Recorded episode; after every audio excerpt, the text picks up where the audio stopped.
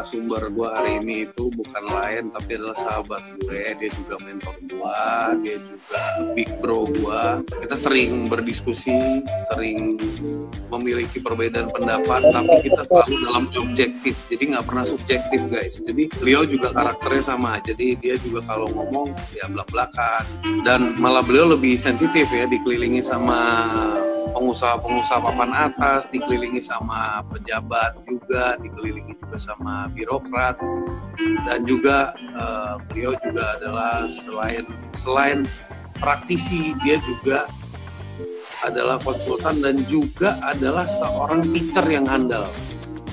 Jadi uh, hari ini gue mengundang dia tuh sebenarnya karena itu sering diskusi dan pandangan sudut pandangan dia itu menurut gue penting banget. Soalnya sudut pandang dia itu lebih merepresent seorang kalau kalau ada joke core of the core nah ini ketuanya para pengusaha.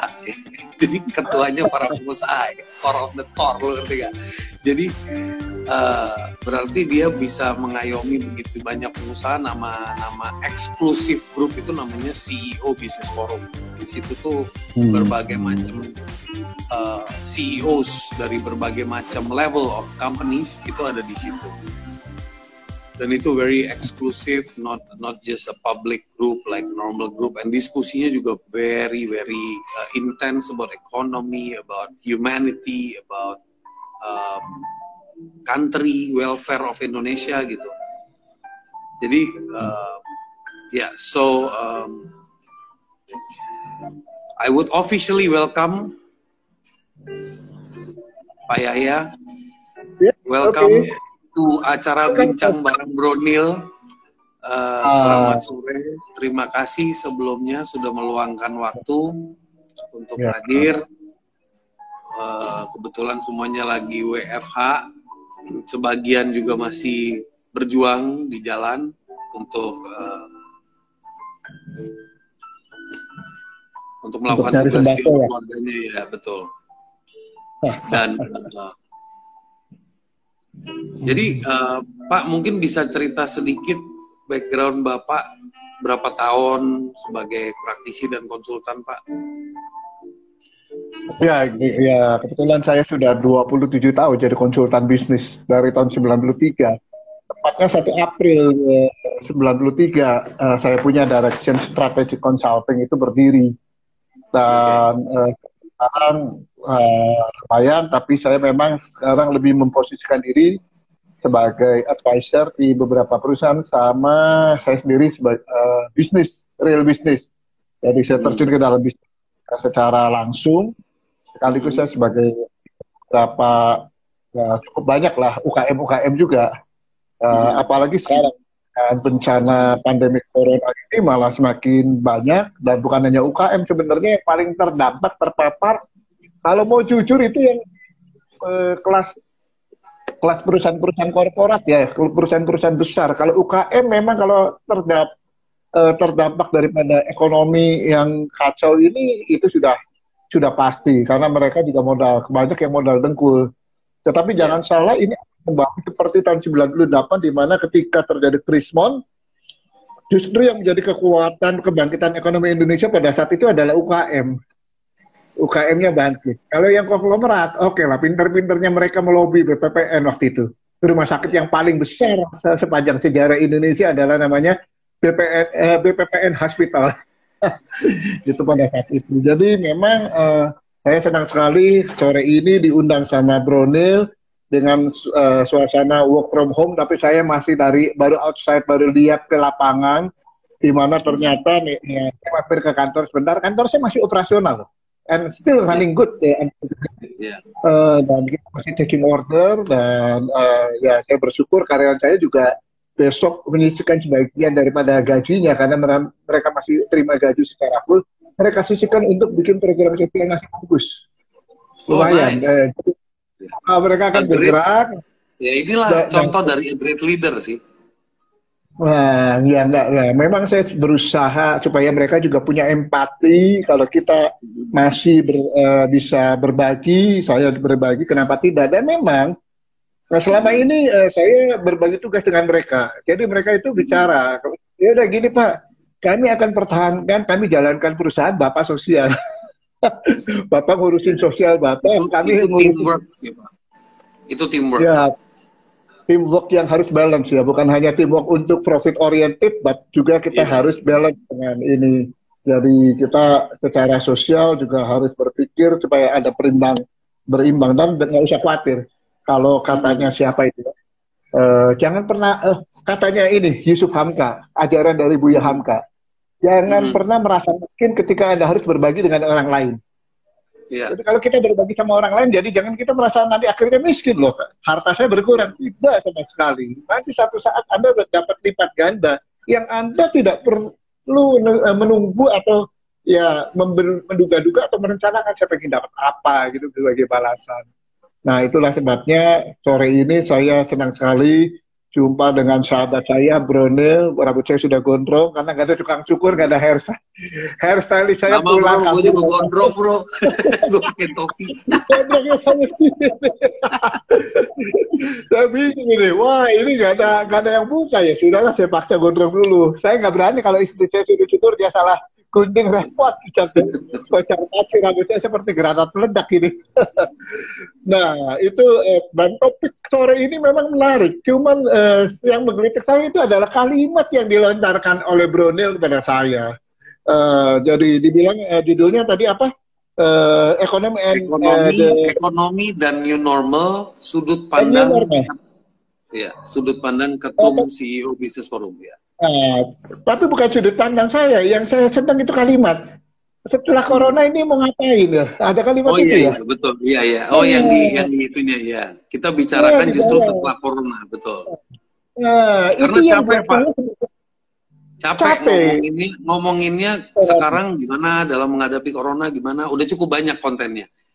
Tapi Betul. mempersiapkan mental kalau ini sudah mulai menuju declining ya grafirnya declining, itu Ngapain? apa sih langkah-langkahnya? Iya. Gitu. Ya, jadi saya juga ingin uh, coba mengajak men-trigger para sahabat-sahabat kita ini yang menyaksikan acara ini. Uh, dan juga kepada Bronil, satu hari itu ada berapa undangan acara Zoom? Hmm.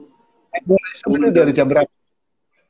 Dari jam 10 Kalau saya sehari, ya saya sehari mungkin ada 8, 6 sampai 8 minimum itu, Pak. Itu yang masuk ke WA, ada Zoom ini, Zoom itu, Zoom ini, Zoom itu. Oh, ya, bukan, kan? ini saya ngomong, ini saya ngomong kantor, saya malah nggak ada waktu yang ngikutin seminar-seminar, Pak. Belum malah. I agree with you. I really agree with you. Karena undangan untuk seminar ini itu ini itu sum ini sum anu sum apa Samsung Samsung ya itu nah. betul-betul luar biasa banyaknya semua menjadi speaker in the corona era. Dan akhirnya orang bingung. Sehingga di dalam satu pembicaraan eh, saya bertanya dalam eh, satu pembicaraan kecil kalau misalnya kita semua diundang Zoom kira-kira kita nanti kerjanya kapan? Hmm. jam 10 Zoom sama si Anu jam ini Zoom sama si ini jam eh, kemudian jam satu nyambung zoom ini ikut acara ini seminar ini. Jam tiganya jam empat ikut seminar ini terus. Akhirnya sudah keburu malam saya tanya anda kapan kerjanya? Saya masuknya macam-macam. Mulai apa ini solusi ini begini semua terus. Kapan eksekusinya? Anda terus dapat KR dan intisarinya ada di mana sehingga saya selalu eh, tekankan kepada rekan-rekan saya, termasuk di komunitas saya, ya termasuk komunitas UKM. Hmm. Please ya, Anda mau ikut Zoom apa, seminar apa, oke, okay. it's good. Saatnya belajar. Banyak orang bilang, speaker bilang, ini saatnya Anda belajar, betul. Tetapi jam berapa jam Anda belajar dan Anda habiskan. Work from home adalah work from home. Bukan yeah. kemudian diganti jadi study from home tanpa working. Iya, betul. Sekarang Anda harus berpikir, kapan Anda? Makanya saya selalu katakan, kalau saya diundang ngomong-ngomong-ngomong paling capek. Saya paling bersedia kalau misalnya sudah jam 4 kayak begini, atau malam sekalian. Yeah. Pagi Pak bisa nggak jam 10? Cannot. Wah, nggak bisa. Ya, Kenapa, Pak? Betul. Ya nggak bisa. Saya kan work from home. Saya masih mantau loh. Saya masih mantau tim donasi juga. Yang mana saya tim kami sekarang sudah men, eh, membantu 80 rumah sakit loh seluruh Indonesia. Uh, ya. Dari SIA Buku Forum uh, dengan tim uh, apa anak Indonesia kita sudah membantu mulai dari Jakarta, Jawa Barat, uh, Jawa Tengah, kemudian Bali, Nusa Tenggara sampai Sulawesi. Jadi kita juga uh, nggak ada waktu untuk cuman ngikutin acara atau kita ya Betul. sekedar ngisi acara. Kalau saya ngisi acaranya siang, saya bilang kasihan. Saya seleka, lalu menganjurkan setelah ikut acara ini, please ya, ada catat apa yang mau anda dan masalah anda sekarang ada di mana. If you still have any, please uh, contact me. Boleh. Menurut saya, tanya di sana kita diskusi. Karena kalau misalnya terus wah good, hebat, inspiring, apa? Eh, I don't care. Saya nggak perlu inspiring apa, powerful, bla bla bla, powerful words. No, kita harus punya powerful action more than powerful words. Ya kan? Ya. Orang mau apa masker? Uh, ada minggu lalu orang tanya, Pak, saya bikin masker Pak sekarang. Uh, Oke, okay, good. Kenapa bikin masker? Ya soalnya bisnis berubah. Terus saya bisa bikin masker, ya udah saya bikin masker. Terus ya permohonan Kemudian setelah itu nyari order kok setengah mati. Pak, tolong dong bantu Pak. Sekarang atau bantu saya uh, apa supaya saya bisa jual masker saya. Why? Ya kan? Karena semua orang ini hukumnya sudah hukum rata. Begitu mau corona tidak corona, begitu lagi rame orang bikin kopi, semua bikin kopi. Ya, kan? Gue salah title bro. Harusnya tadi titlenya latah lo pade. Harusnya gue bikin itu ya. Tapi nggak apa-apa. I agree with your uh, title. This is the new normal is latah. Yeah. Yeah. The new normal is latah. Jadi kaget, ini udah normal. Kaget. Masih proses. Iya. Kaget. Iya, semua ikut. Yang satu bikin facial, semua bikin facial mulai dari harga dua belas ribu, sepuluh ribu, dua belas ribu sampai lima puluh ribu. Maskernya kemudian apa sih? maskernya dikasih branding, dikasih apa, dikasih eh, ada gigi-gigi dan sebagainya, bergaya-gaya. Oh, kalau sudah begitu ngapain?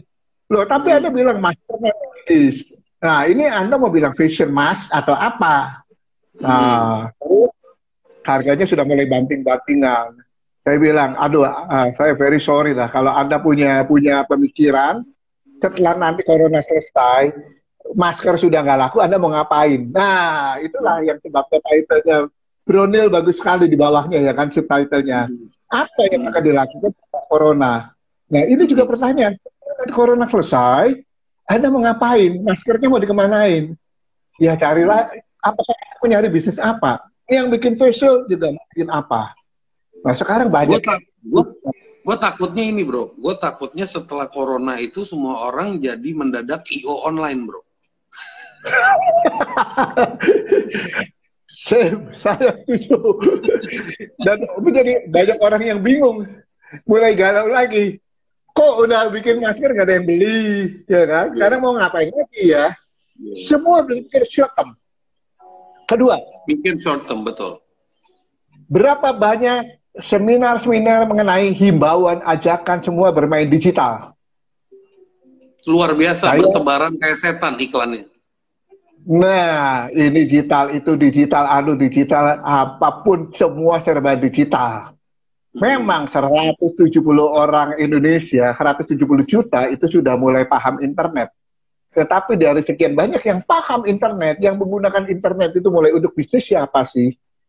yang kolonial kayak saya kebanyakan pria itu kan untuk apa? Untuk berita ya kan? Untuk apa? Enggak untuk belanja jarang. Walaupun saya untuk belanja tapi dulu apa yeah. belanja tiket kalau dadakan pergi beli hotel tinggal yeah. pilih oh sini ya beres tapi saya kan nggak buka Tokopedia untuk cari tongsis yeah. saya nggak buka buka lapak untuk cari krim muka walaupun saya punya industri skincare itu urusan anak buah yeah. saya Yeah. Ya kan? Saya nggak cari alat masak, saya nggak cari makanan. Nah, yang yang buka siapa? Ya ibu-ibu, wanita, milenial, anak muda. Mm.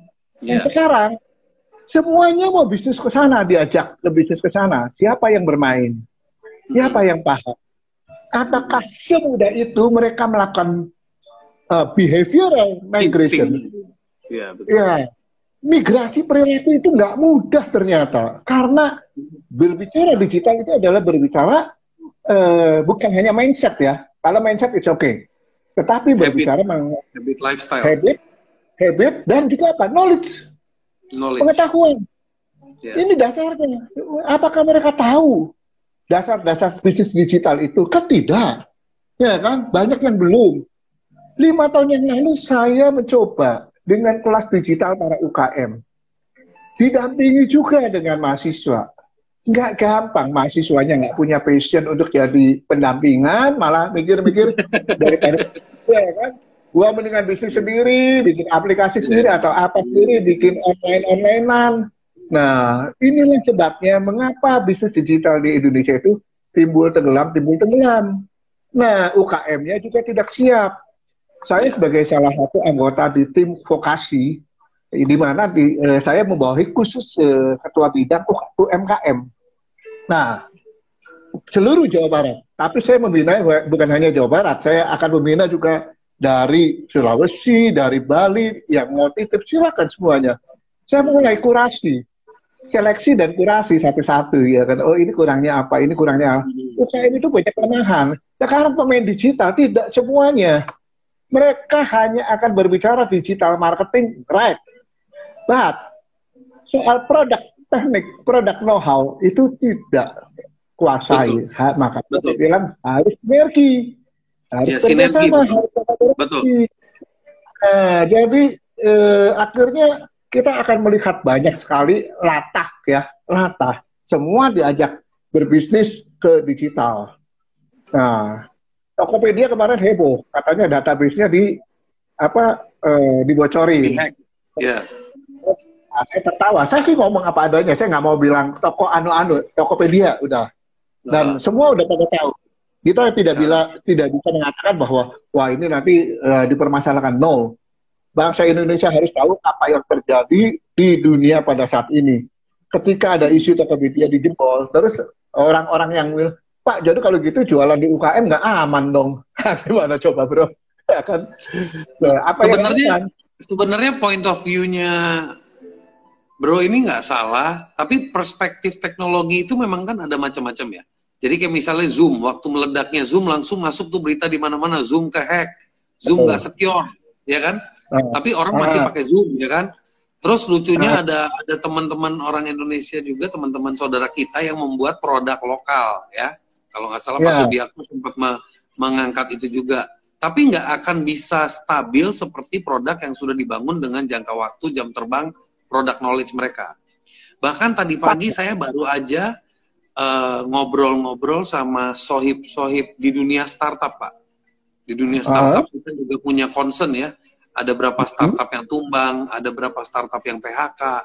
Kita kepikiran hmm. tentang orang-orang yang losing jobs, langkah hmm. apa yang perlu kita kembangkan. Tapi ada satu hal Pak yang menarik, yaitu saya bicara sama teman saya yang data science, data science hmm. expert.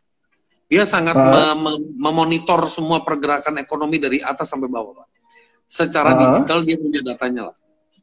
Itu ah. surprisingly, Pak. Semua uh marketplace yang ada yeah. di ya. Indonesia rata-rata memiliki uh kenaikan transaksi transaksi ya, bukan nominal ya, jumlah transaksi. Itu uh. 50% lebih tinggi daripada umumnya. Jadi ini kan kita ngomong kondisinya sebenarnya lagi begini. Ya, Tapi betul. malah transaksi online ini malah naik begini. Nah ini menurut oh. saya, menurut saya ini sebenarnya adalah kita ngomongnya kalau kita ngomong gunung meletus itu kan ada yang kabur, ada yang istilahnya langsung lihat wah ini kesempatan harus dikasih masker, ada yang wah ini kesempatan. Jadi kan tiap tiap orang punya cara pandang berbeda dalam sebuah conditioning, ya kan? Ah, betul. Makanya menurut saya eh, kasihan masyarakat kita itu masih belum punya satu eh, khususnya di UMKM begitu ada isu begitu mereka kan galau ya. ragu-ragu nah menurut sekarang siapa yang edukasi Yang ngobrolin cuma kita-kita yang paham di WAG, ya kan? Nah, yang kita terus dapat isu, nggak apa, katanya bahaya Pak jualan di online itu katanya kalau bocor gimana? Terus nanti kalau saya uangnya nggak dapat, uh, apa nggak dibayar gimana? Nah, lah. Nah, jadi mereka ini perlu edukasi. Kita harus sadari bahwa mereka ini bukan lulusan dari Spikom, sekolah informatika, dan sebagainya, yang mana kalau kita mungkin juga sudah paham karena dalam komunitas yang sama, tapi yang mereka-mereka masih bingung-bingung. Jadi, uh, Ibu, jualannya gimana, Pak? Jualannya gimana? Ah, gampang aja, Pak. Tetap aja pakai WhatsApp lah, pakai Instagram. Udah gitu. Hmm. ya, udah beli, gitu. Bagaimana membuat mereka naik kelas?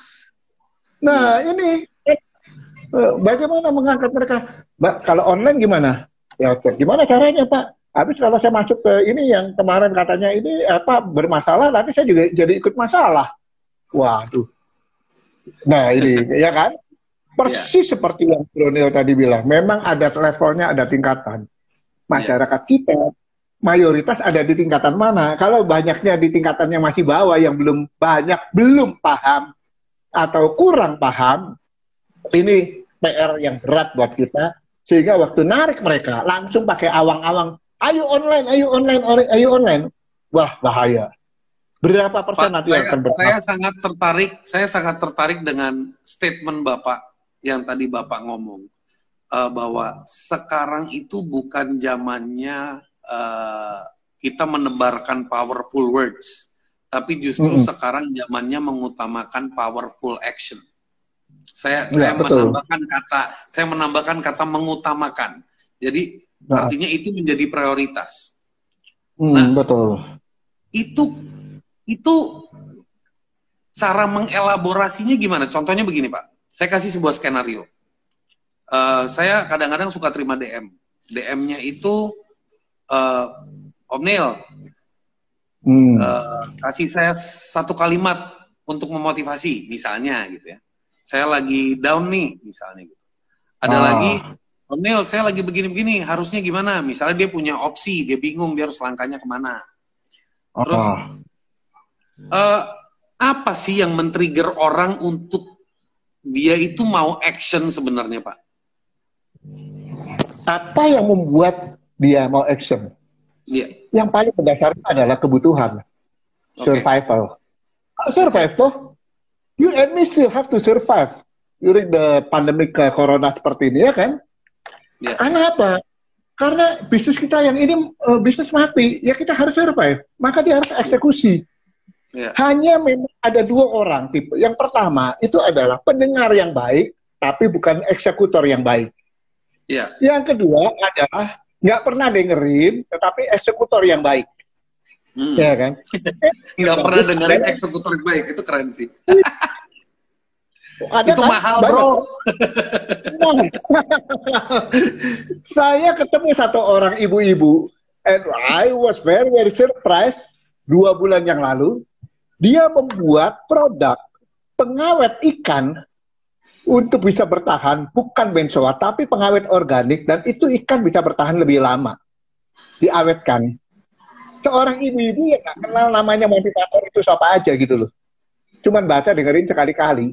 Tetapi dia punya ide, punya uh, pemikiran yang hebat. Dia bilang, kalau saya nggak bikin produk yang berbeda, bagaimana kita bisa bisnis bisnis kalau padahal bukan lulusan marketing, bukan apa segala macam. Begitu ketemu ngobrol di satu acara, kemudian saya perkenalkan dengan Pak Ilham Habibi, Waduh, dia senangnya happy bukan kepalang sampai sekarang akhirnya berkomunikasi. Saya bilang, habis corona kita akan eksekusi ini untuk menjual ke pasar yang lebih luas. Jadi, yang didorong sama saya itu adalah ibu targolnya apa? Seorang akan punya eksekusi, mau eksekusi kalau dia punya goal. Hmm. Jadi kita selaku mentor, selaku uh, praktisi, kalau membina UKM, adalah mengajak mereka bikin gol dulu. Punya nah, gol nggak? Nah, banyak kan itu masalahnya. Nah, kalau nggak dikasih gawangnya di mana? Gawangnya di mana nggak tahu. kalau cuma diajak seminar, nggak ada golnya, bahaya. Saya lebih suka diajak bikin golnya. Ya. Tiga hari yang lalu, malam-malam, saya ini terima WA itu bisa sampai jam 12 malam, tapi saya ladenin, I'm happy. Uh, karena ini adalah salah satu cara saya berbagi secara spiritual, secara motivasional, yang berbagi ilmu saya. Dia kirim foto. Fotonya hmm. adalah kecap tanpa kedelai. Hmm. Ini kecap ini apa? Tidak menggunakan kedelai. Pertanyaan saya, kenapa tidak harus nggak nggak pakai kedelai? Iya kan? Hmm.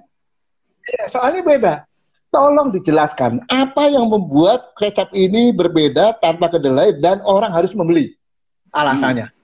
Hmm. Hmm. Nah itu kemudian etiketnya tampilannya harus bagaimana supaya orang betul-betul tergerak mau membeli. Tertarik, iya tertarik. Kenapa anda tidak mengatakan kecap sehat, healthy, uh, apa uh, saus gitu ya kan, saus, uh, hmm. tapi bukan saus kan ini kecap yang sehat. Artinya apa? Anda rendah kalori dan sebagainya ya kan? Itu contoh yang pertama. Contoh yang kedua itu adalah orang yang bikin masker tadi. Nah tadi ada ibu-ibu yang beralih dari ini mau bikin masker bikin apa? Saya bilang tidak semua masker yang terbuat dari kain itu cocok buat manusia. Hmm. saya mau tanya apa bedanya masker yang polyester scuba dengan masker katun? Gak ngerti. Hmm. ada bedanya kalau master katun, karena itu serat kapas, seratnya pendek-pendek, apabila kita orang yang pakai itu ada alergi sama debu-debu, itu serat terhirup, itu akan gatal di hidung, kemudian dia batuk-batuk. Dan pada saat dia batuk-batuk, orang di sebelah-sebelah dia, hati-hati ini corona, ini corona nih, batuk-batuk tuh. Iya kan? Nah, nggak kepikir kan? Mereka mobil Toyota tahun jebot sekarang jadi terkenal ya itu dia. Lalu gimana? Saya bilang, saya berbagi. Kebetulan saya punya pengetahuan soal tekstil dan saya pernah belajar tekstil. Please, ada dua lapis, yang depan itu yang katun, yang belakang itu yang non katun, yang berbahan polyester. Karena polyester itu serat panjang tanpa serat halus-halus. Lalu dengan dua lapis itu, tapi yang katun itu gunakanlah katun dari katun bambu. Oh, katun bambu itu apa, Pak? Serat bambu itu adalah bahan tekstil yang antibakterial. Nah, ini yang akan bagus. Jadi saringannya itu uh, untuk uh, apa menyaring kotoran itu akan lebih bagus lagi. Yang di dalam ini pakai polyester supaya apa? Yang uh, lebih elastis, yang tapi yang elastis supaya nggak ada serat yang terserap ke hidung. Ya, hmm. kalau terhirup ke hidung batuk-batuk, gatal-gatal, langsung bersin atau kemudian nanti batuk-batuk sebelah anda langsung bilang corona corona langsung menjauh. Iya iya iya ya. bikin seperti itu. Nah itu punya positioning baru kan? Nah, produknya positioning baru. Bapak bapak ngomong gitu saya mau saya teringat cerita tadi malam. Saya tadi malam uh, pergi ke Indomaret. Terus saya membuat sebuah sensasi kecil buat ngetes padahal sepi sih Cuman gue bilang, minggir-minggir, gue lupa bawa masker, gue mau batuk, gue mau batuk. Beneran semuanya keluar dari toko.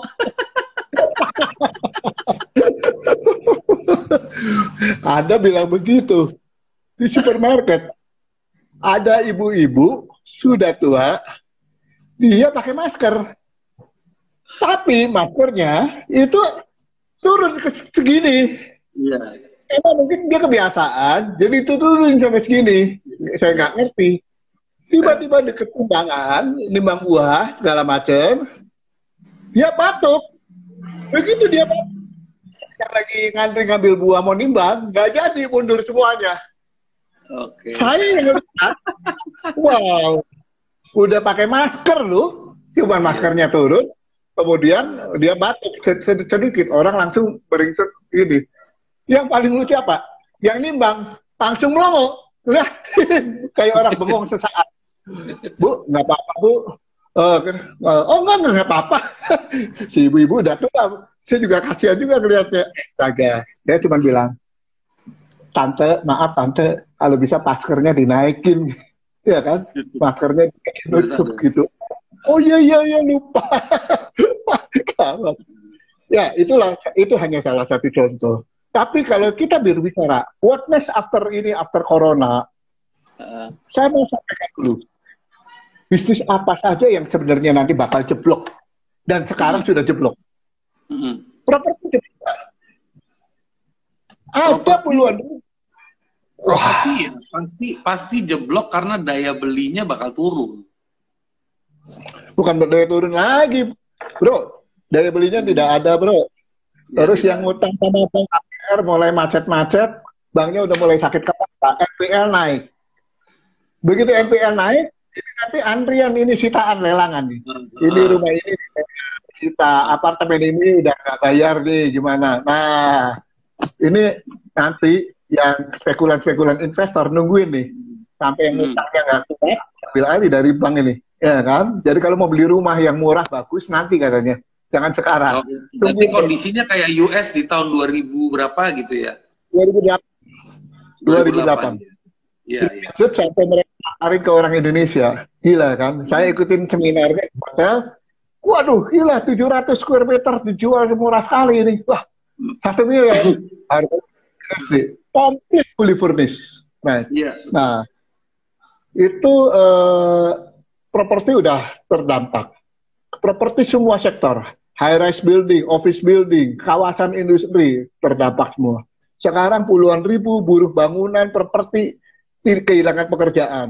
So saya sama teman-teman dia, uh, diajak menggalang juga untuk donasi memberi makan pada buruh-buruh bangunan. Nah ini hmm. satu. Yang kedua, sektor yang lain, misalnya sektor otomotif terdampak nggak? Terdampak.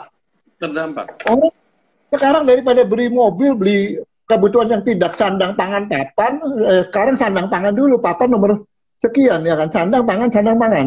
Di antara Tunggu, sandang pangan mana? Bapak itu kan lagi ngomong dari levelnya UKM ya, pemahaman. Oke, kalau dari kita balik dulu Pak, sebelum masuk UKM. Kalau dari levelnya korporasi Pak, ini ya. ekonomi ekonomi shakedownnya gimana Pak dari level korporasi? Kalau dari level korporasi, mereka yang punya semacam uh, apa cadangan dana, ya reserve hmm. fund untuk ya. ter bisa sustain, itu hmm. mereka itu pintar strateginya udah banyak. Mereka punya survival plan, contingency plan. Ya, hmm. mereka langsung melakukan apa? Yang pertama itu adalah downscaling dulu semua bisnis, kemudian uh, cost efficiency ini mereka itu udah pebisnis pebisnis yang sudah jadi korporat itu udah piawai puluhan tahun ya kan. Kita mau ngajak mereka suruh ikut seminar tapi, digital. Tapi tapi dampak hitnya kenceng nggak? Sebagian ada yang kenceng. Sebagian okay. korporasi yang bergerak di uh, properti itu kenceng banget loh, kerasa. Okay. Karena mereka kan uh, berbisnis itu juga pakai uang bank. Kemudian mereka juga menerima DP dari konsumen untuk membangun, ya kan? Kemudian boleh angsur, katakan 24 kali eh, angsuran tanpa bunga, 48 kali angsuran developer. Ada sampai 5, ya ada yang sampai 5 tahun. Nah, nah kemudian sekarang belum baru jalan, tiba-tiba konsumennya juga pada berhenti, ya kan? Pada sebagian, waduh, nggak mungkin penghasilan saya berkurang dan sebagainya Yeah. Apakah mereka bisa mengangsur? Tidak. Yeah. Lalu apakah propertinya akan bisa terus? Ya terhambat juga.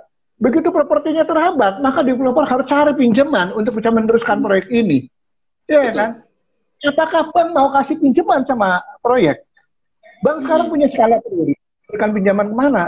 Pada saat ini prioritasnya adalah saya kasih relaksasi baru dulu, tapi pinjaman hmm. baru tidak. Relaksasi kredit yang sudah ada. Nah ini masalah, ya kan? Nah, hmm. manufaktur yang, eh, yang tidak produktif ini mengalami eh, apa ya hambatan dan tantangan yang cukup berat. Otomotif juga sama, kecuali yang apa, eh, sektor kesehatan, sektor makanan. Nah ini dibutuhkan kan. Nah, dari sektor pendidikan masih oke. Okay. Yang dasar-dasar kebutuhan masyarakat lah. Tapi begitu sudah ya, tidak lagi hal-hal yang mendasar, wah berat. Orang mau belanja ke mall nggak? Gara-gara situasi seperti ini sekarang orang terbiasa memang Anda bilang benar belanja online naik. Orang terbiasa nyari semua di online. Yeah. Pertanyaan saya, dan saya pernah bertanya dengan salah satu bos uh, dari Unicorn Indonesia, salah satu unicorn. Pertanyaan saya itu sangat simpel. Berapa persen UKM Indonesia ada di uh, toko Anda, di tempat Anda? Hmm. Karena semua kali kita browse, buatan mana? Nyari tongsis, nyari report merek semua impor, semua impor. Semua impor. penjualnya ya. UKM, penjualnya UKM. Di kartu gorengan Ada Beda, Ini UKM pedagang atau UKM produsen? Ini nah, UKM seller, Pak. Seller, tukang sales. Bukan produsen, betul. Produsen beda lagi. Kalau ekonomi kita mau tumbuh, maka UKM produsen inilah yang harus kita hidupkan. Yeah. Tolong berilah, berilah kamar, berilah ruang, berilah space berapa persen khusus untuk produk-produk Indonesia. Contoh ya, saya juga punya produksi lokal, produksi Indonesia. Kita ekspor, partner saya ekspor ke Amerika, kita punya bisnis baru, perusahaan baru, dan merek lokal, kualitasnya tidak kalah. Hmm. Yang membedakan cuma apa? Kalau kualitas yang impor bisa lebih murah dengan kualitas di, di downgrade, tapi tampilannya kelihatan lebih bagus. Tapi kualitas hmm. sebenarnya kalau dibandingkan apple to apple, secara kualitas produknya dia di bawah kita. Cuma tampilannya hmm. menarik. Yeah. Pertanyaan konsumen kita ini melihat yang menarik, harga murah, tapi nanti daya tahan pakainya beda, buat mereka nggak nggak penting.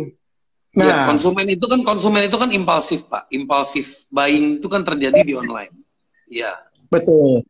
Nah, ya. saya bilang kalau begitu ini PR kita untuk mengajarkan konsumen kita cinta produk Indonesia yang berkualitas. Kemudian semua pelaku-pelaku ini e-commerce-nya juga ikut membantu bertumbuhnya UKM Indonesia. Jangan cuma sekedar MOU MOU yang tampilin tapi dia udah jangan curcol bro. Udah capek di organisasi MOU MOU-an ya, saya saya saya paling paling alergi kalau ngeliatin di sini MOU di situ MOU selalu MOU KPI-nya apa sih Ya, Nggak, harus harusnya diganti bukan MOU, harusnya diganti MAU, mau. Uh, kalau MOU ini nggak jalan-jalan namanya kemayu. nah, jadi contoh ya, saya dat ini saya bikin daftar misalnya, oh si ini si ini di grup, wah ini yang datang ke saya agen properti juga ada. Iya. Yeah. Saya juga langsung kasih solusi, ayo bikin agen properti yang begini. Semua saya catat. Nah, saya sendiri sebagai mentor punya KPI. Mm-hmm. Saya nggak dapat duit tuh, bro, bro Neil. Yeah. Saya itu yeah. hanya volunteer membantu. Terus yeah. saya cuma nanya, nanti kalau kamu udah berhasil, tolong kasih tahu saya ya. Atau kalau kamu udah eksekusi, minimal eksekusi. Gue minta eksekusi dulu. Yeah. Saya nggak mau tahu omset kamu nanti berapa, tapi yang penting saya kasih masukan, kamu eksekusi. Yeah. Langsung. Ada yang kirim madu ke saya, ada yang kirim minum-minuman herbal ke saya, ada yang kirim cacak alang sama saya, yeah. makanan, yeah. ada yang ada kirim snack, waduh, sampai di rumah working from home dan eat from uh, at home, eatnya banyak, berat yeah. gue naik 3 kilo. Tapi I'm happy, very happy. Ada yang yeah. kirim masker juga. Why? Yeah. Karena mereka eksekusi. And this is my mission. Mereka menjalankan. Hmm. Jangan buru-buru waktu online kalau kamu belum eksekusi. Kamu belajar online A, ikut lagi seminar B, ikut lagi seminar C, ikut ini. Kamu kesimpulannya apa? Dapat nggak kesimpulannya? Iya Pak, bisnis hmm. online itu bagus. Nggak, nggak. How to-nya gimana? Satu, dua, tiga, how to kamu bisa online kan bisnis kamu gimana? Bingung dia. Iya. Semua tapi tidak bisa mengambil intisarinya. Ya. Nah, Betul. intisarinya nomor satu, saya balikin lagi. Produk kamu siap nggak? Satu. Mm -hmm. Kamu siap itu harus ABC dulu semua loh. Bukan, Pak, ya. makanan saya kamu bilang makanan kamu enak, saya bilang belum tentu enak loh. Kemasan kamu jelek. Isinya bagus, kemasan. Ada satu yang bikin uh, apa skincare. Mm-hmm. Saya bikin skincare, apa? Dia kenal kenalan sama saya, oke. Okay. Tapi saya malah pengen ngerangkul, udahlah, bro, gedein pasarnya. Kamu pasar pasarnya cuma Jakarta, saya pasar se Indonesia, saya bantu se Indonesia mau nggak? Sekarang udah growing very fast, ya kan? Mm-hmm. Ini sekarang masih corona kayak gini, dia still working dan kita kita mulai kembangin online-nya berjalan. Udah, ini produknya ini memang bagus, menarik. Produknya tuh oke, okay. kemasannya masih belum menarik. Jadi nah, dulu itu Pak Yaya, dulu itu uh, mumpung Bapak lagi ngomong ini saya jadi ingat. Jadi dulu apa yang menjadi kendala seorang Jack Ma itu nyerah sama Indonesia? Keren ya. Dia nggak nyerah sama Cina, nyerah sama Indonesia, bro. Artinya kita segitu bebelnya, guys. gitu. Ada tahu ceritanya kan? Iya. Jadi itu dia bilang UKM kita itu nggak siap mengikuti kaedah-kaedah dagang pada umumnya. That's right. Tapi orang-orang kita gegap apa bergaya-gaya pengen pada ikut apa kelasnya Jack Ma di Hangzhou. Hmm. After that, what next? Hmm. And uh, are you very proud after uh, coming back coming back from uh, Hangzhou? Uh, hmm. Saya saya mau ke sana. Saya cuma mau belajar. But the next, I want to do Ali Oncom, not Alibaba. Yeah. Alibaba is not ours. Iya. Benderanya Mendingan bikin Ali Oncom, ya betul. Ya, mendingan saya bikin Ali Oncom lah, pos kota itu. Ya kan? Hmm. Ya, benderanya mana? Ayolah kita punya kebanggaan membangun negara kita, membangun platform unicorn kita. Kalau sudah berhasil, ya mbok jangan dijual ke luar negeri toh. Yeah. Terus dijual ke luar negeri, kita bangga-bangga aja miliknya luar loh, miliknya luar loh. Aduh. Terus ya udah gitu miliknya luar masih dengan bangganya menyanyi apa menyanyi yang lagunya si itu uh, Gombloh ya, apa itu? Uh, ya. Lagunya lagunya di radio aku dengar. Na na na na na na na na na na na na oh iya iya iya iya iya iya iya merah putih darahku ya iya putih darahku bersatu sangat tuh dan kemudian sahamku jual.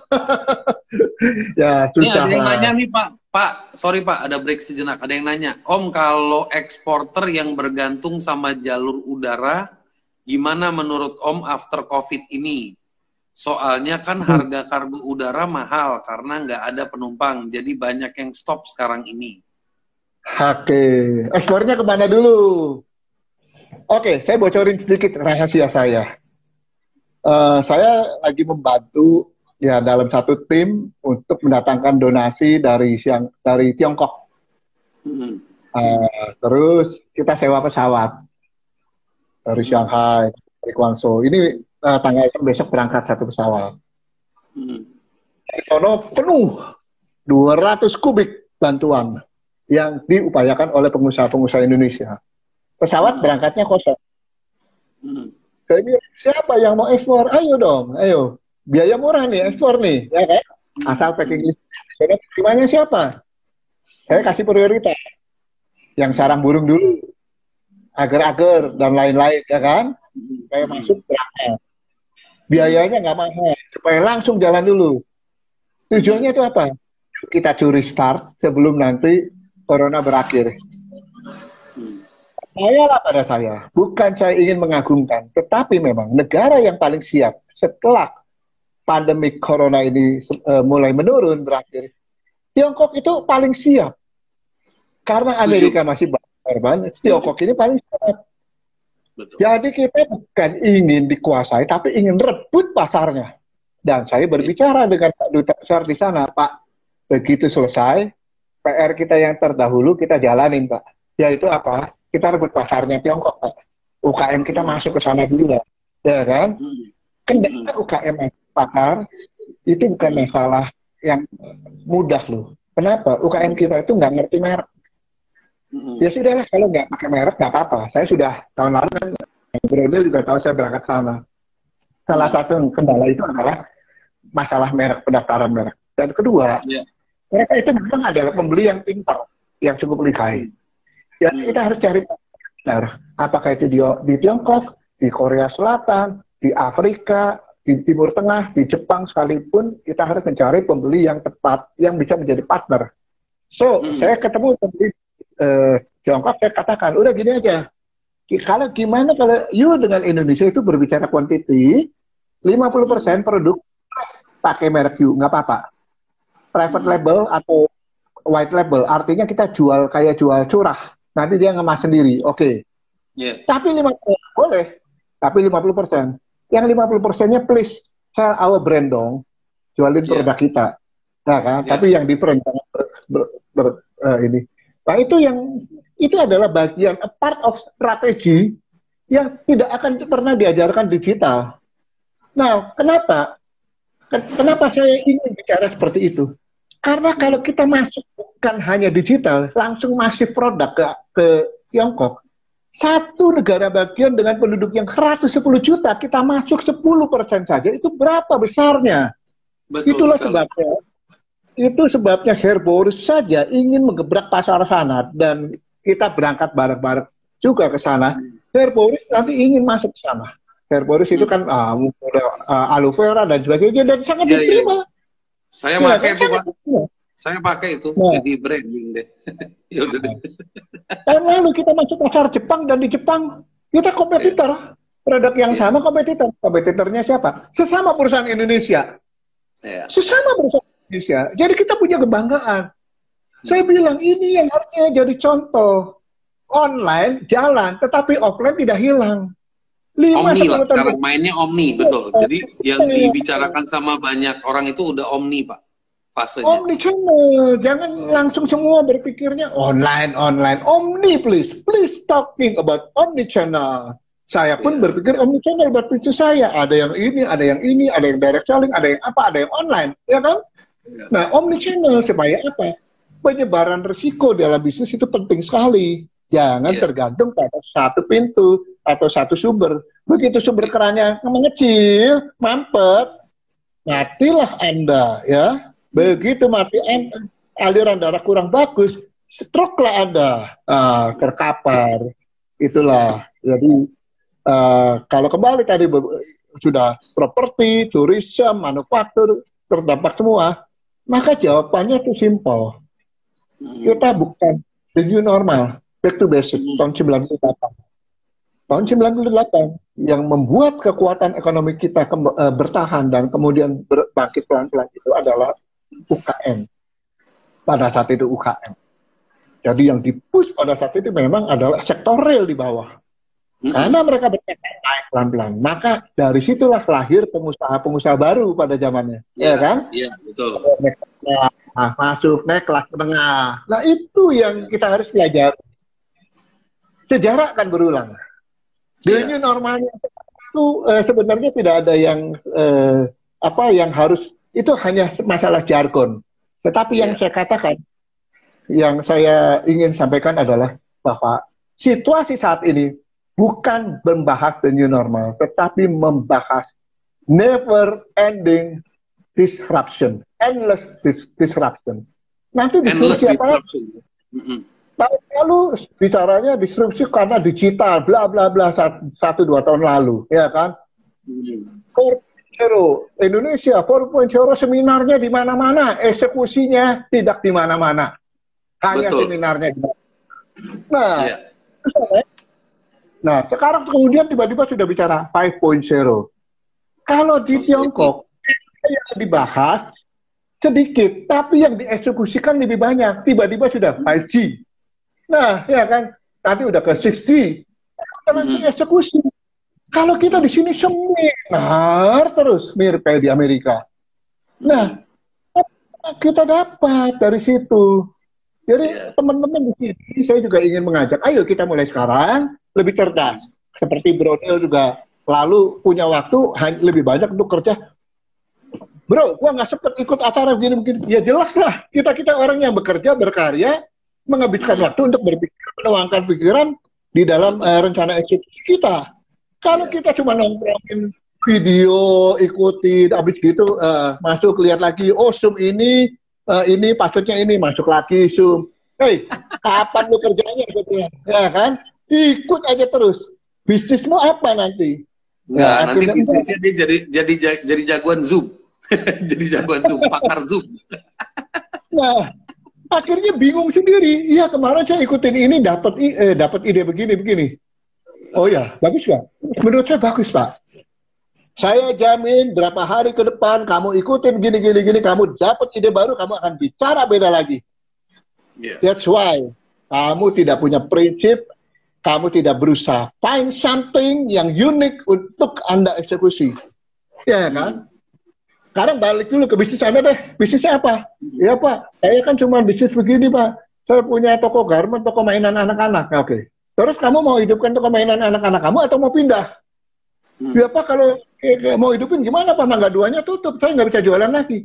Terus kamu sekarang di mana? Stoknya masih banyak nggak? Masih banyak. Kamu mesti jual nggak? Mesti jual. Supaya kamu hidup, apa yang harus kamu lakukan? Stok kamu harus jadi uang kan?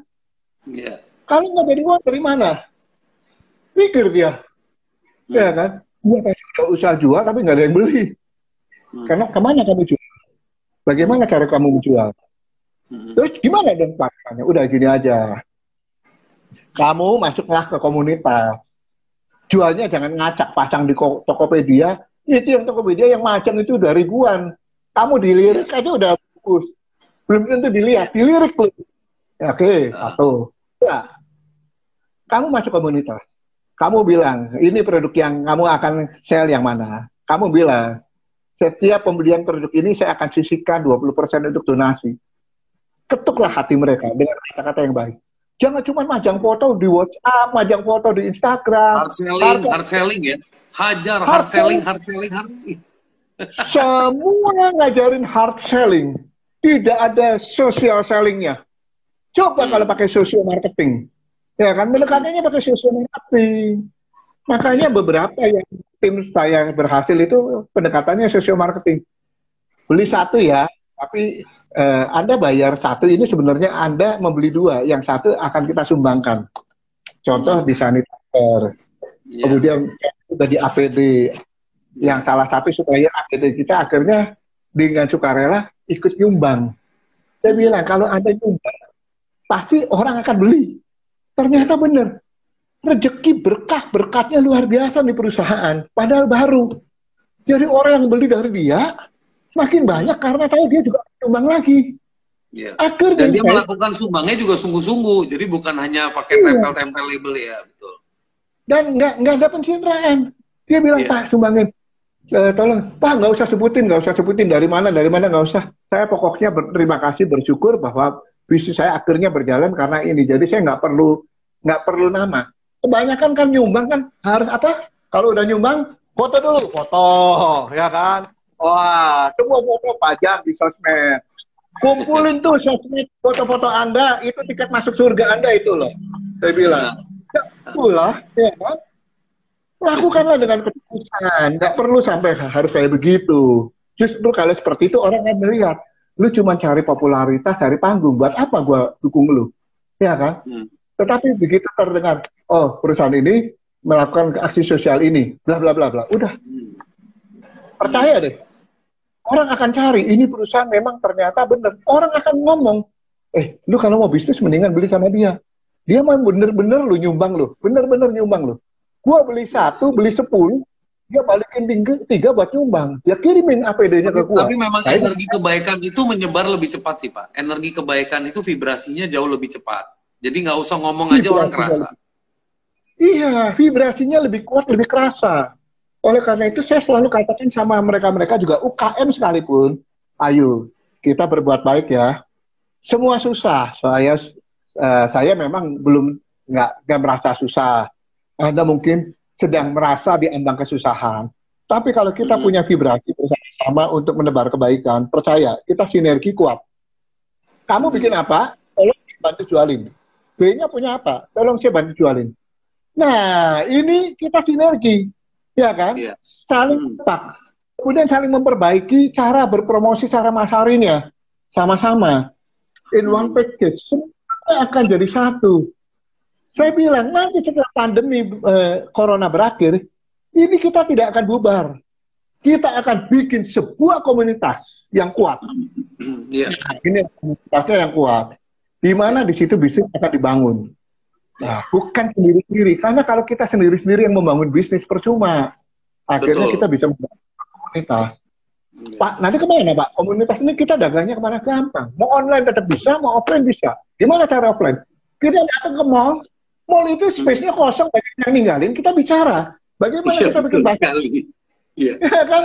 Ayo. Nah itu sama -sama. itu itu Pak yang dimaksud new normal itu menurut saya yang harusnya tadi dikeluarkan. Ini waktu kita nanti sebentar lagi Pak. Kalau sebentar lagi putus nanti live lagi Pak ya. Mungkin 15 menit ya, lagi okay. ya. Karena okay. biasa dia satu jam suka putus. Jadi menurut saya uh, salah satu new normals yang bisa kita adopsi sebagai jargon itu adalah the new normal for the UKM produsen untuk mulai showcase produk mereka di mall. Nah, itu maksud saya ya. adalah salah satu uh, salah satu langkah yang menurut saya konkret dan memang uh, kita sebagai selaku para praktisi di sini, teman-teman juga, ya memang mendukung banget sih untuk itu. Tapi kembali lagi memang banyak faktor saya saya pribadi melakukan konsep bincang bareng Brunil ini kan supaya ini Pak. Supaya hmm. bisa memberikan teman-teman itu pandangan dari semua perspektif. Dari perspektif ya. building mindset, dari perspektif keilmuan, dari perspektif uh, argumen, sudut hmm. pandang, uh, terus kita ngomongin dari sisi spiritual, kita ngomongin dari sisi bisnis. Jadi ah. memang at the end of the day kita setiap langkah, setiap setiap keputusan yang kita ambil itu kan memang faktornya itu dari banyak aspek. Hmm. Dari family, dari yeah. knowledge, dari experience, dari information. Dan itu hmm. yang men-trigger kita agar kita bisa action. Tapi yang paling penting adalah finding out your goal. Yang banyak iya. orang yeah. selalu mengabaikan itu. Betul, betul. Setuju sekali. Setuju sekali. Ini kesimpulan, sekaligus kesimpulan dari Bronil yang sangat kuat sekali. Dan ada ini saya membaca satu komentar dari Semut Putih. Sinergi. Nah, tak, di sini masih banyak saling menjatuhkan. Betul. Kenapa kita tidak bisa sinergi? Karena satu sama lain ingin saling mendahului. Sinergi itu terbentuk karena ada kesamaan goal, yeah. ada kesamaan tim, dan ada dalam frekuensi yang sama. Kalau ya. Anda pengen jalan duluan di depan, ya Anda tidak bisa bersinergi. Anda ingin menguasai, Anda tidak bisa sinergi. Kenapa ya. pandemi ini secara global terjadi dan sama juga semua pemuka agama saling mengklaim bisa begini, bisa begitu. Nah, ya saya bilang, saya sempat berdebat juga dengan salah seorang pemuka agama dan saya katakan, ini diizinkan oleh Allah terjadi supaya kita semua introspeksi sebagai manusia. Nggak ada yang paling hebat, ya kan? Mm-hmm. Konglomerat aja bisa triliunan melorot dia punya aset, ya kan? Nah, kita harus introspeksi. Jangan lagi ada yang merasa paling hebat, paling pinter, paling kuat, paling berkuasa, paling banyak backingnya, paling apa segala macam, paling kaya, ya nggak perlulah. Di sini adalah orang yang yang dibutuhkan adalah cuma satu, orang yang mau membuka hati dan pikirannya. Ini ada satu pertanyaan Pak. Pak Yaya, after corona bisnis apa yang prospek karena keadaan ekonomi sedang menurun? Terima kasih saran dan terima kasih. Ah, after corona bisnis apa yang prospek? Anda mau pindah bisnis atau Anda mau tetap pada bisnis Anda? Pertanyaan saya di situ. Kalau saya cerita, bisnis yang menarik ada, tetapi Anda tidak punya kompetensinya di sana, tetap saja Anda akan melanjutkan kesusahan babak kedua setelah corona. Jadi kalau misalnya Anda, anda bertanya, ini pertanyaan klasik ini, saya ditanya bro, selalu. Bro, gua tahu bro, tapi lo jawabnya jangan kayak begitu bro, kesian bro, udah lagi pada deg-degan begitu lo gas, tenang bro. Karena lebih baik kita bikin deg-degan dulu. Setelah itu habis deg-degan dari kita kasih obat serum ya kan? Daripada kita kasih serum deg-degannya belakangan nah, oke. Okay. oke. Okay. anda pasti di, dijawab begitu memang deg-degan nggak apa-apa. Cuman pertanyaan saya kalau anda mau bisnis anda harus sesuai dengan pertama passion anda itu di mana? Bisnis seperti apa? Bisnis yang betul-betul menguras energi anda di bidang produksi atau bisnis yang lebih banyak menguras uh, ke, ke apa mungkin hanya jasa. Kalau anda punya punya punya minatnya ke hal-hal yang produksi segala macam, memang uh, di situ orang kuliner itu produksi ya, orang hobi bikin kue itu produksi. Yeah. Nah, tetapi kalau anda hobinya, Pak, saya uh, kelihatannya di digital menarik, saya mau masuk digital, oke. Okay. Nah, nggak apa-apa semuanya menarik. Saya bilang itu menarik. Karena kenapa digital menarik? Karena semua pembicara mengatakan bahwa online naik. Hmm. Selama industri growth-nya tinggi itu menarik. Industri hmm. attract istilahnya, hmm. ya kan? Itu menarik. Tapi sekarang kalau misalnya Anda dihadapkan pilihan-pilihan tersebut, Anda lebih jago di mana? Hmm. Anda lebih jago di mana? Yeah. Coba bikin prioritas yang Anda kuasai atau Anda yang paling jago. Karena kalau Anda di situ, itu learning time-nya itu pendek waktu masuk ke situ. Daripada nanti Anda trial error, learning time belum tentu berhasil. Hmm. Itu saya. Kenapa?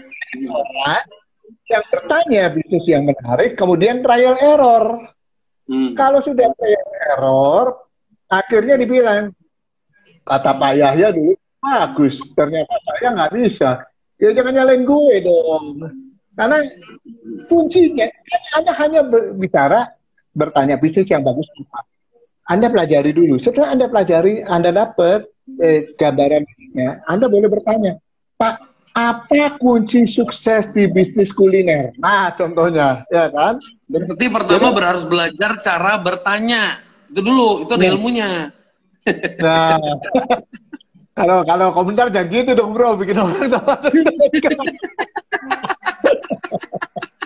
nah, jadi itulah yang saya harapkan. Ayo kita sama-sama. Ini khususnya untuk grocery fashion. Mungkin Anda bisnisnya fashion. Coba pertahankan dulu fashionnya nggak apa-apa, pertahankan.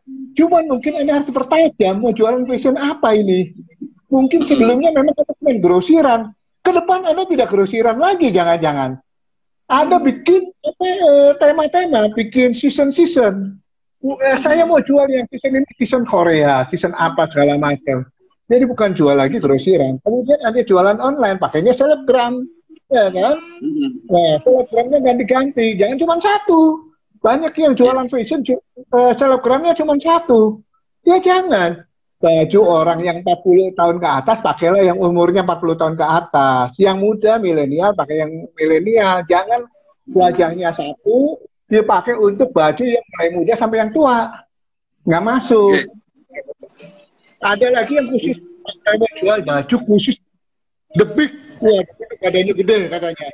Nah, silakan. Ya, itu juga boleh di Bandung tuh ada yang khusus memang dia punya uh, punya outlet khusus baju-baju extra large katanya extra ah. large. Nah di online kan juga laku di Amerika ada yang bermain online khusus baju-baju uh, extra large. Nah itu jadi Pak uh, ada satu ya, lagi nih Pak. Sekarang lagi pandemi kan, terpaksa omni channel diganti ke digital marketing. Bagi yang belum biasa, apa yang harus dilakukan? Omni channel di, ke, diganti ke digital marketing. Siapa yang ngomong?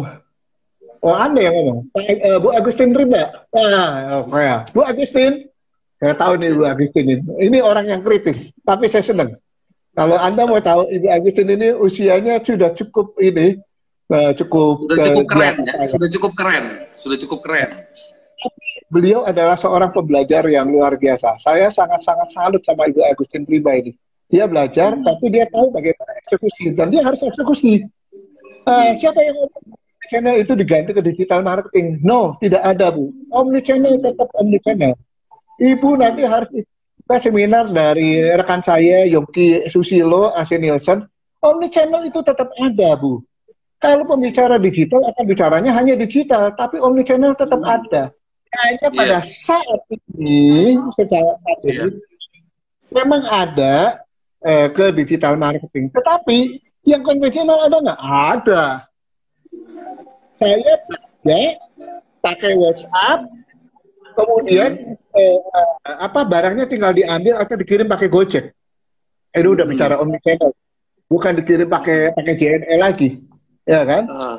Uh. Ini bisa bukan, uh, bisa terjadi di mana? Omni channel itu uh, kita berbicara berbagai macam saluran menjual, saluran marketing. Kalau digital Siap. itu hanya salah satu saja. Jadi kita harus melakukan. Anda bisa melakukan direct selling itu juga channel, Bu. Itu juga channel nanti. Dan uh, berarti, nah tapi direct selling dengan menggunakan uh, teknologi digital, nah, itu berbicara yang lain lagi. Ya, affiliate marketing misalnya. Nah kalau Anda bertanya, nah kalau gitu kita jalankan affiliate marketing di hadapan saya ini ada ahlinya. Neil ini jagonya affiliate marketing. Kita masih ingat 4 tahun yang lalu bro, kita membahas affiliate marketing. Yeah. You remember? Betul, betul, betul. Ya. Itu juga sebenarnya mimpi saya dengan Neil Tolani. Empat tahun yang lalu kita ngobrol di Starbucks di Grand eh, Plaza Indonesia. Di iya. mana yeah. kita juga punya mimpi yang sama supaya UKM Indonesia itu bisa dibawa naik kelas UKM Indonesia. Empat tahun yang lalu belum sekeren sekarang. Sekarang waktunya. Karena percepatan ya. digitalnya terjadi. Empat tahun yang lalu kita frustrasi karena sudah bicara sampai ngabisin kopi. Habis ya, future, itu, ngomongin future. Habis gitu kita nonton fashion show supaya otak kita yang udah mampet ini kita nonton model-model berseliweran tetapi inilah waktunya. Nah, kalau kita bicara di itu luas, Bu Agustin. Kita tidak berbicara hanya satu sisi. Bisa, oh mau pakai teknik affiliate bisa, mau pakai teknik A ini bisa, semua bisa, Bu. Ya kan? Betul. Jadi, om itu dan tidak digantikan oleh digital. Tidak, sama sekali tidak. Digital just only a part of the channel. Itu jawaban saya. Ada lagi? Oke, Pak. Ini ada satu lagi pertanyaan, tapi sebelum saya ngomongin pertanyaan ini, saya pengen berkomentar sedikit kepada semut putih. Jadi yang dimaksud sama Pak John Kui di sini adalah begini guys, coba dipahami. Kadang-kadang kalau orang ngomong itu jangan diambil harafiannya ya, coba di, dipikirkan. Jadi begini, kalau lu dari bisnis garment langsung mau masuk ke otomotif ceritanya gitu ya, dan lu nggak punya know-how-nya, berarti kan lu kalau lu langsung loncat lu akan capek. Yang dimaksud trial and error di situ adalah lu tetap sepinter-pinternya lu trial and error itu harus terjadi. Itu satu hal yang lu nggak bisa lari. Tapi kalau lu sama sekali nggak punya knowledge-nya dan lu merasa itu market yang lu udah bidik dan lu udah melakukan riset dan market itu adalah market yang menjanjikan cuman lu nggak punya knowledge-nya lu untuk memotong curve time to learn-nya, lu berkolaborasi sama orang yang expert dan kompeten di bidang itu untuk Betul. mengeksekusi sebuah bisnis. Jadi lu membuat trial and error time lu lebih minimize. Itu namanya managing resiko. Jadi managing resiko is not only about money, is not only about where to spend the money, how to sell, but how to start the business how to learn the business, itu juga ada strategi-strateginya. That is where ilmu pengetahuan, mindset, and everything comes in place. Jadi kalau orang ngomong jangan langsung jebret. Oh berarti karena banyak orang gagal gara-gara satu hal. Gagal gara-gara satu. Gue nggak bisa itu. Gue taunya ini. Di saat tadi Pak John Kui sempat ngomong, sekarang bukan momennya ngomongin new normals atau ngomongin uh, trend, tapi ngomongin about continuous disruption. Artinya kalau continuous disruption itu akan terjadi perombakan-perombakan secara reguler, secara cepat. Nah kalau kitanya nyangkut, ya gak iso. Itu komentar saya. Semoga itu bisa diterima dengan baik. Ada Pak Subianto, welcome. Waduh, guru-guru besar kalau udah turun gini, ngeri juga. Pak Subianto, pakar branding, bos.